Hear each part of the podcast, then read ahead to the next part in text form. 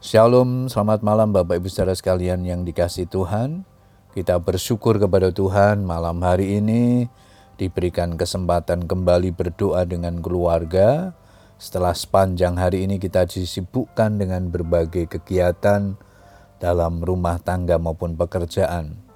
Sebelum berdoa saya akan membagikan firman Tuhan yang malam hari ini diberikan tema manusia itu singkat umurnya Ayat mas kita di Ayub pasal 14 ayat 1 dan 2, firman Tuhan berkata demikian, Manusia yang lahir dari perempuan, singkat umurnya dan penuh kegelisahan.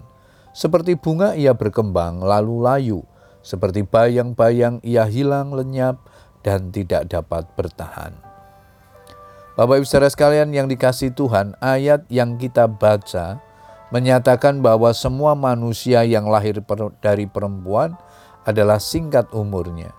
Singkatnya umur manusia itu digambarkan seperti bunga yang sebentar berkembang lalu layu dan seperti bayang-bayang yang tak dapat bertahan lama.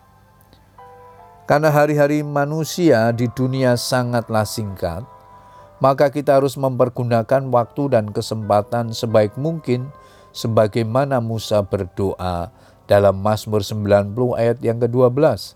Ajalah kami menghitung hari-hari kami sedemikian hingga kami beroleh hati yang bijaksana. Waktu adalah harta yang sangat berharga. Karena itu jangan pernah sia-siakan, sebab waktu terus melaju dan tak bisa dihentikan. Jika waktu sudah terlalu dan lewat tak akan pernah kembali. Supaya tidak timbul penyesalan di kemudian hari, kita harus mengerjakan pekerjaan Dia yang mengutus aku selama hari masih siang, sebab akan datang malam di mana tidak ada seorang pun yang dapat bekerja. Yohanes 9 ayat yang keempat. Tuhan Yesus memberikan teladan menggunakan waktu dengan baik. Waktunya yang singkat saat berada di bumi tidak pernah disia-siakan. Bapakku bekerja sampai sekarang, maka aku pun bekerja juga.